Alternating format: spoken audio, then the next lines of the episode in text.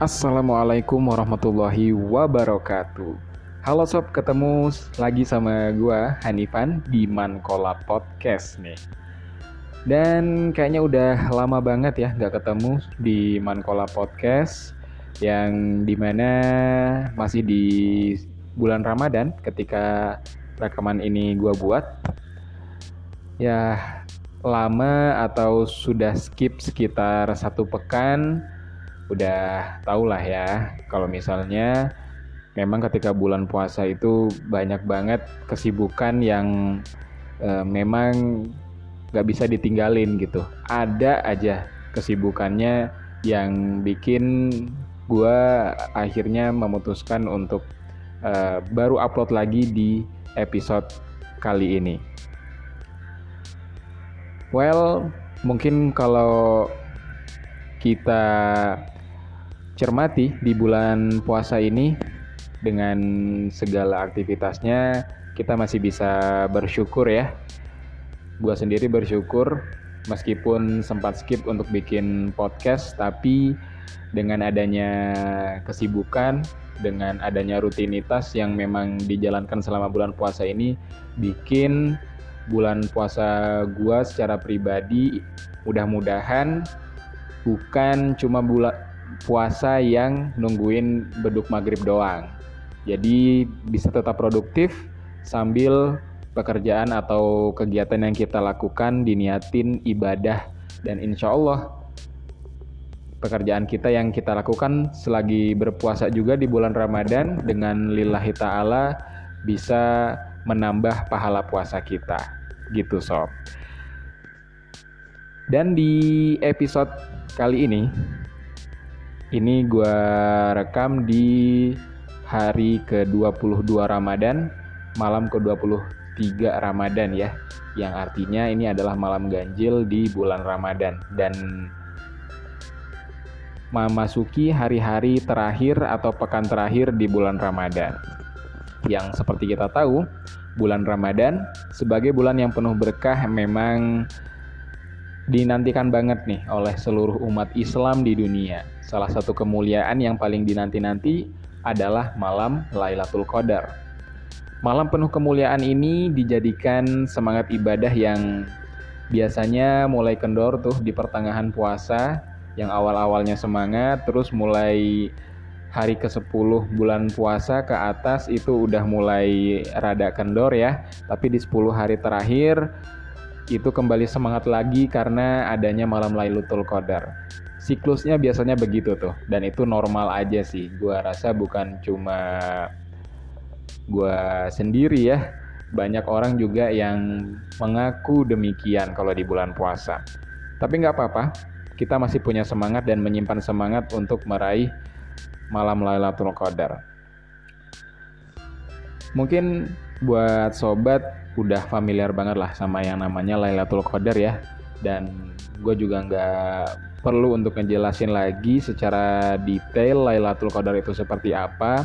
Yang pasti Lailatul Qadar itu malam yang dijadikan sebagai salah satu peristiwa bersejarah dalam agama Islam yakni pertama kali malaikat Jibril menyampaikan wahyu pertama kepada Nabi Muhammad SAW.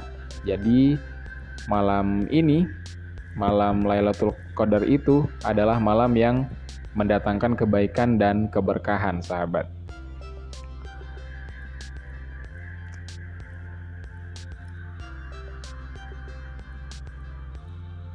Memasuki 10 hari terakhir bulan Ramadan, biasanya orang-orang mulai mengerjakan amalan-amalan yang dianjurkan Rasulullah Shallallahu Alaihi Wasallam untuk menyambut Lailatul Qadar. Rasulullah Shallallahu Alaihi Wasallam sendiri biasanya beriktikaf di 10 malam terakhir di bulan Ramadan. Ini tujuannya untuk mendapatkan pengampunan dari Allah Subhanahu wa taala seperti yang diriwayatkan oleh Bukhari dan Muslim bahwa carilah Lailatul Qadar pada bilangan ganjil dari 10 hari terakhir bulan Ramadan. Gitu kata Rasulullah. Dan sudah pasti di bilangan ganjil di 10 hari bulan Ramadan terletak di malam ke-21, 23, 25, 27, atau 29 Ramadan. Yang bikin uniknya dan serunya lagi nih, nggak ada yang tahu secara pasti kapan malam Lailatul Qadar itu tiba. Tapi sempat dijelaskan beberapa tanda-tanda Lailatul Qadar seperti malam yang terasa teduh, tenang dan biasanya nih katanya juga di esok harinya, di keesokan paginya itu langitnya cerah. Nah, sebagai malam yang penuh kemuliaan, Memang datangnya Lailatul Qadar nggak bisa diketahui secara pasti.